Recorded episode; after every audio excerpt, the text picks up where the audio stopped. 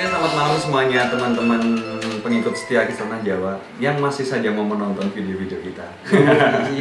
Sebelumnya kita mengucapkan terima kasih karena semua masih ada di sini, saling ya sering menonton video-video kita, sering berbagi komentar juga, sering memberikan masukan juga. Sebelumnya kita mengucapkan banyak terima kasih di sini. atas semua supportnya ya Ya, dan kajiannya atas semua supportnya gitu. kritik kritik dan kritiknya.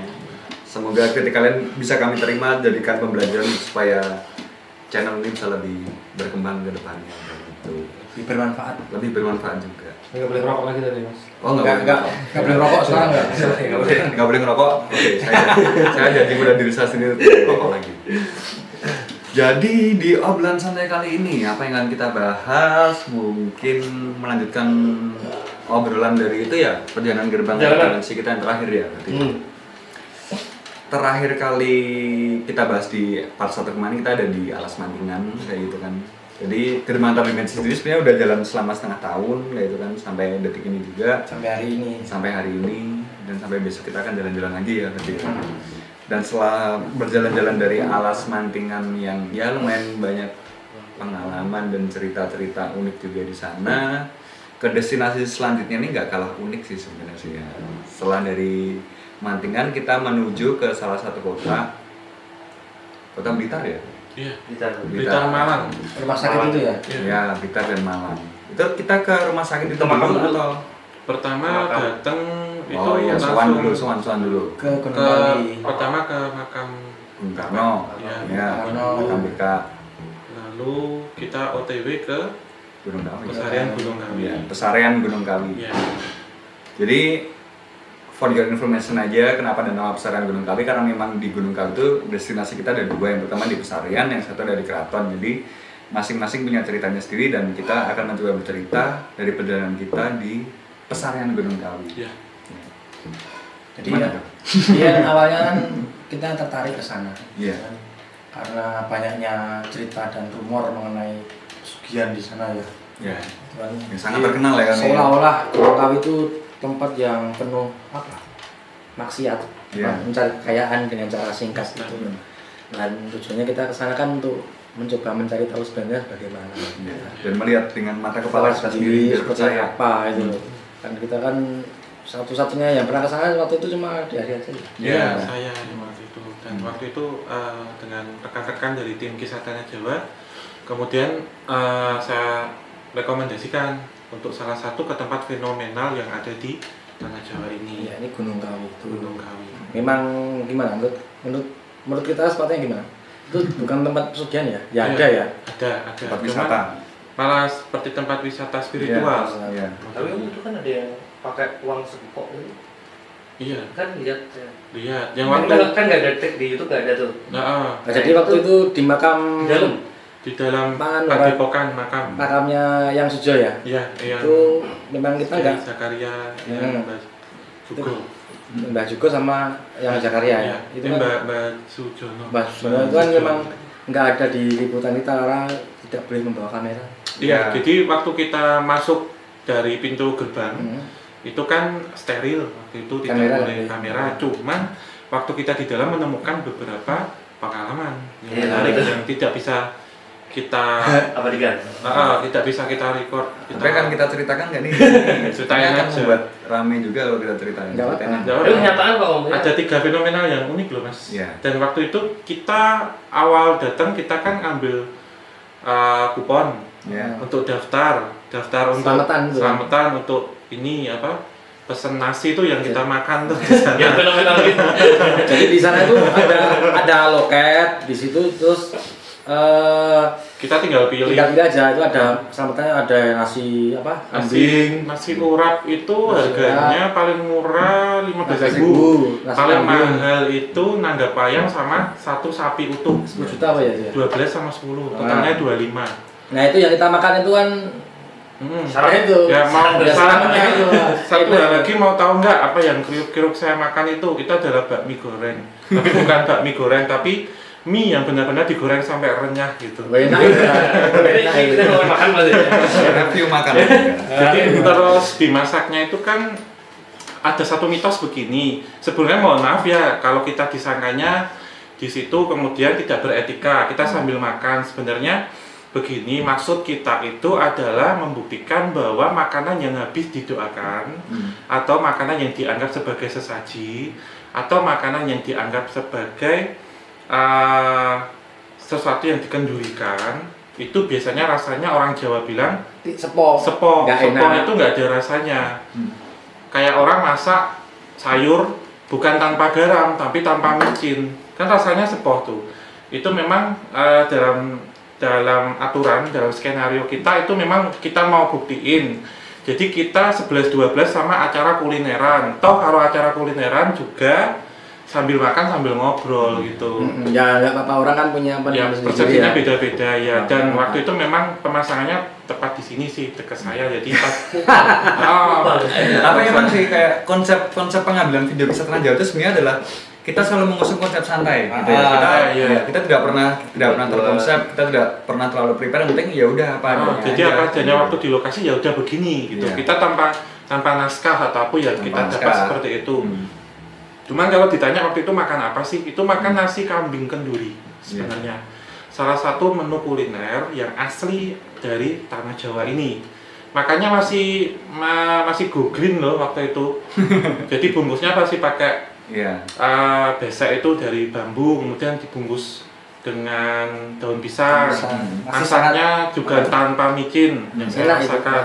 Enak. Terus itu semua kambingnya dimasaknya kering sekali jadi tanpa bahan pengawet dan kalaupun kita bawa ke Jogja katanya 3 sampai 3 hari paling lama itu masih bisa bertahan karena masaknya kering banget.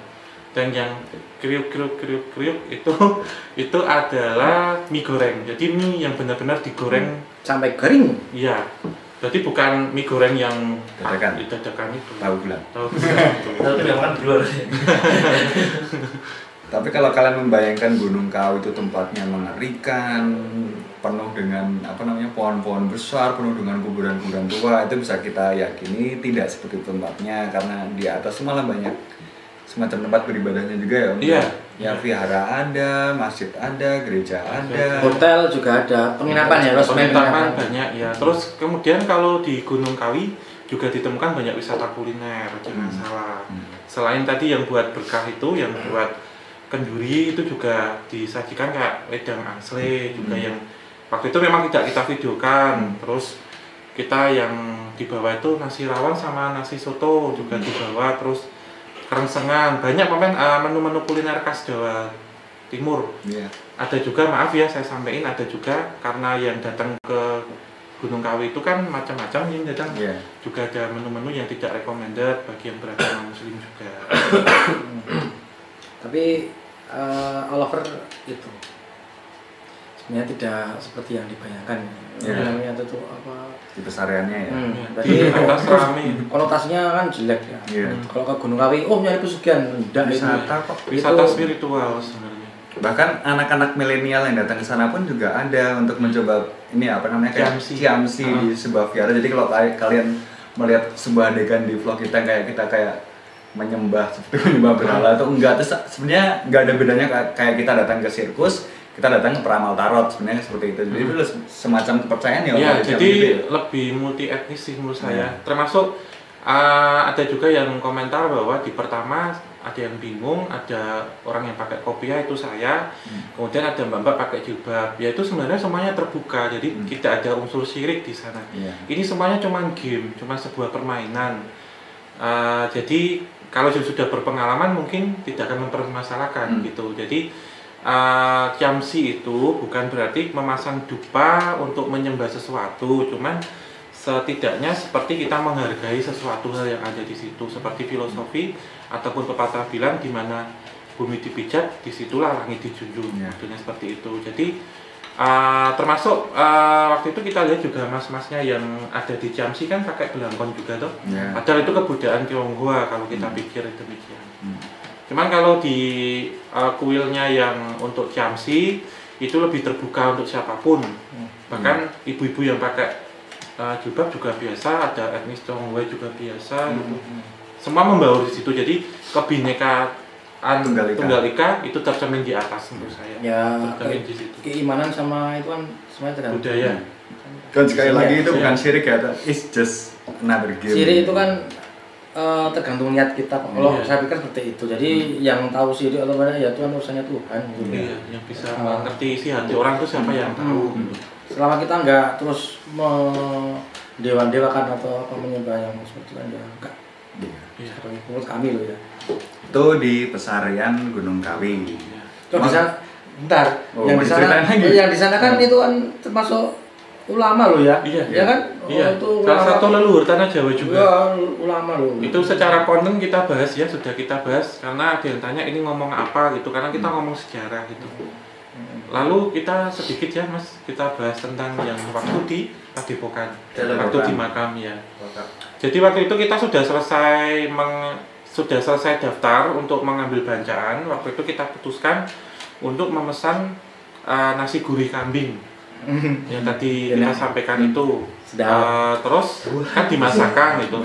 Lalu uh, di situ nanti ditulis, ditulis nama kita. Nanti kita dipersilakan untuk menunggu di pesariannya. Jadi pesarian itu kan makam. Makamnya itu jangan dibayangkan makam yang Wingit atau apa? Iya, yang serem, yang di bawah pohon gede enggak, tapi dibikin Mewah. seperti padepokan. Banyak jamnya ya. Iya, banyak jam-jam Oh. yang mewah-mewah yang bahkan ada satu jam itu yang buatan Jerman. Junghan cuma satu, Eh, banyak banget. Junghan. Banget ya. Ada lebih dari lebih dari 40 lebih ya ya. Iya. banyak gede-gede jamnya tuh. Sampai jamnya bahkan disimpan di situ sampai mati. Oh, jadi itu ada ada suatu nazar bahwa kalau orang berhasil di situ istilahnya eh, terkabul doanya eh, dalam arti meminta doa kepada yang maha kuasa lantaran mendoakan leluhur yang ada di situ. Itu kemudian ada seperti nazar nanti akan membawa jam ke situ. Kenapa sih membawa jam? Ada ceritanya tapi tidak bisa kita ceritakan karena panjang lebar. Nanti di next episode mungkin.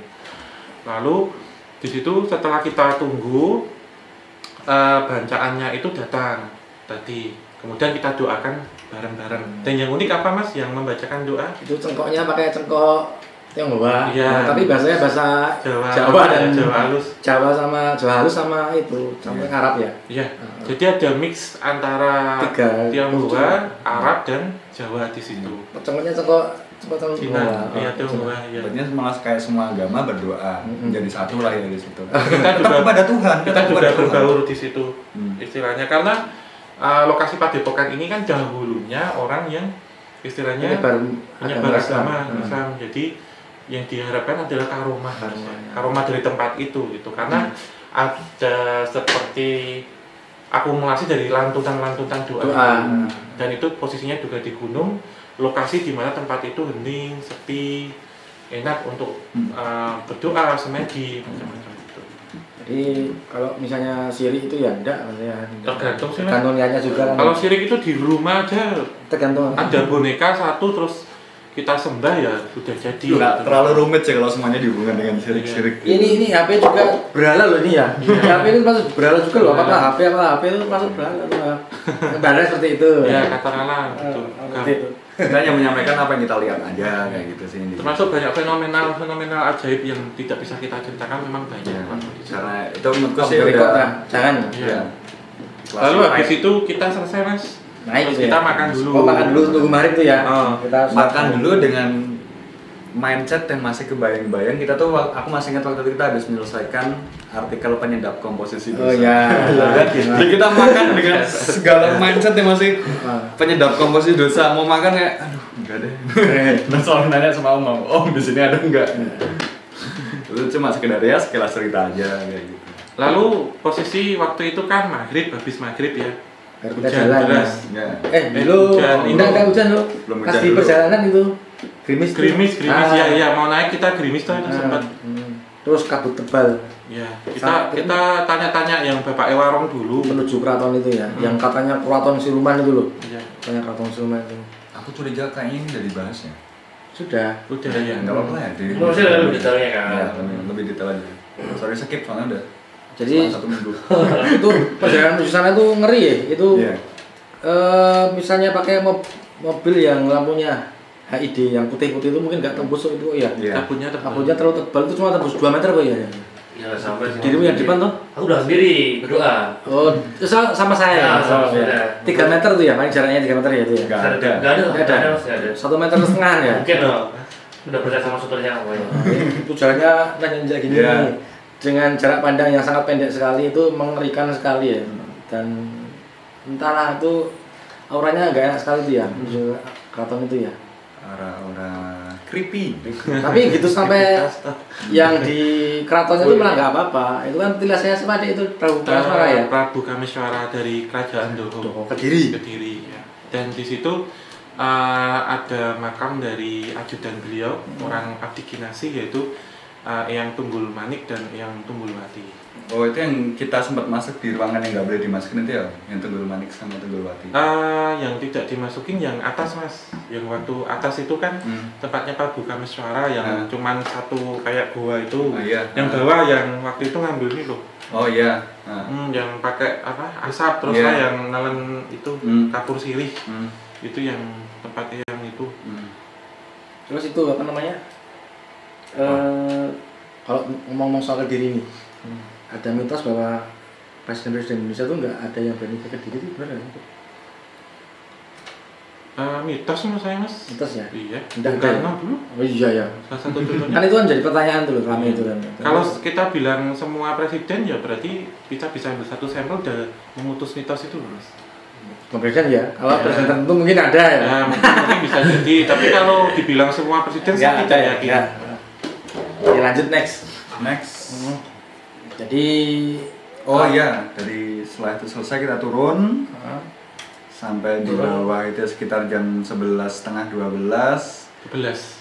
Dan ada pas turun, bentar, pas turun itu enggak kabutnya udah hilang. kabutnya udah hilang. Nggak makan.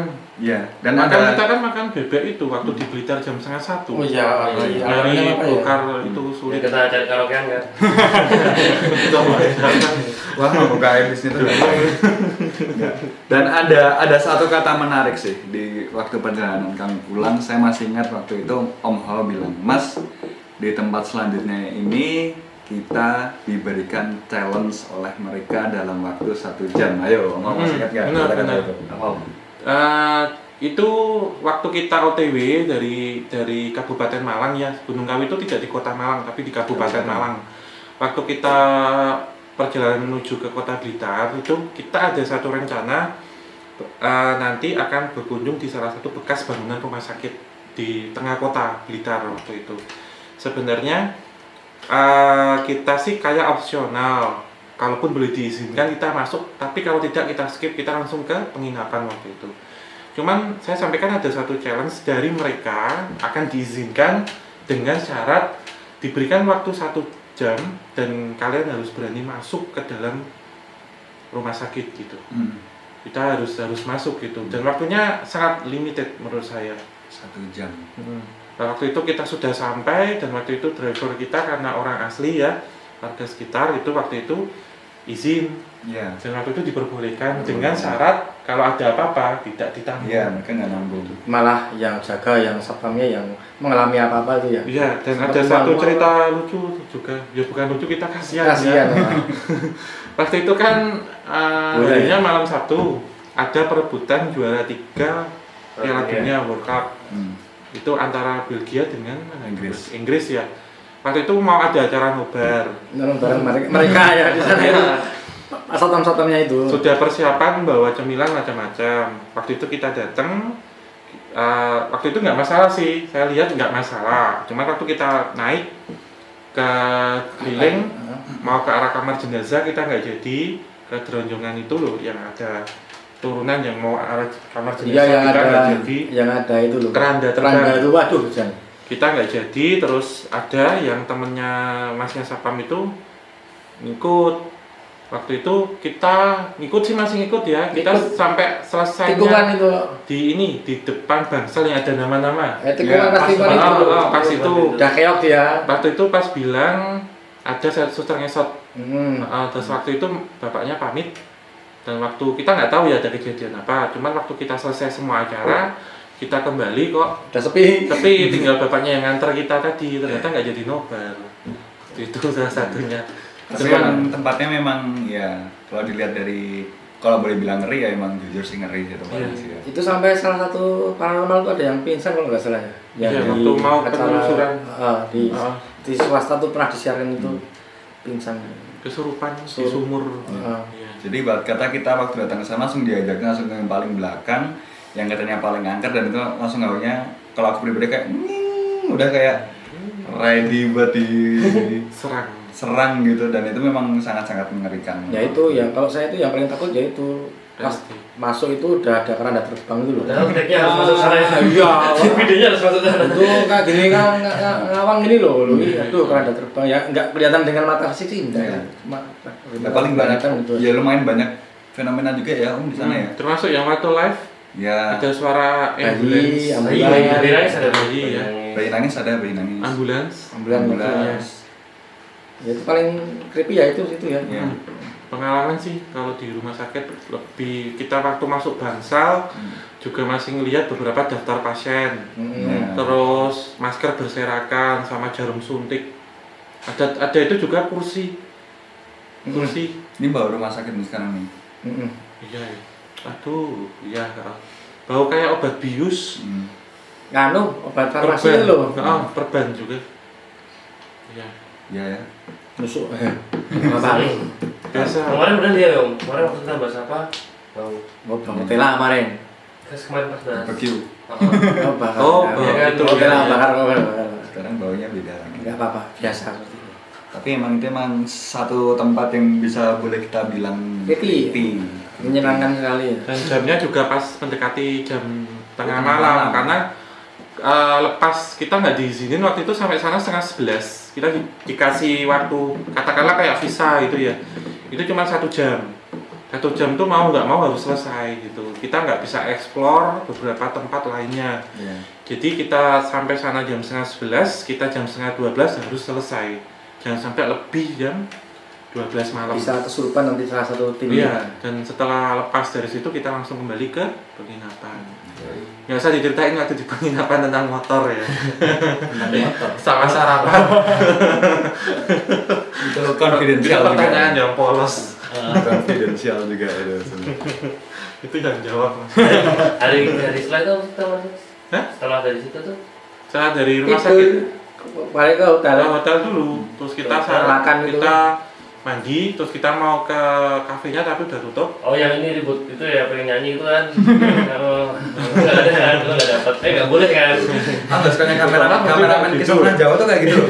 Dia tuh suka melimpahkan kesalahan kepada saya, kayak gitu. Enggak, enggak. Oke habis dari Blitar. Eh, kita Balik kita ya pulang ke Jogja. Jogja gitu. Jogja lagi ya. Setelah itu kita ke Bandung ya, kalau nggak salah ya. Apa langsung Bandung nggak? Eh enggak. Enggak, Nggak, langsung Pulang Bandung. seminggu dulu. Hmm. Iya, setelah Bandung. seminggu terus Nah, ke Bandung. Saya nggak ikut waktu itu kan. Oh iya, kenapa mas nggak ikut? Biasa. Hot burger.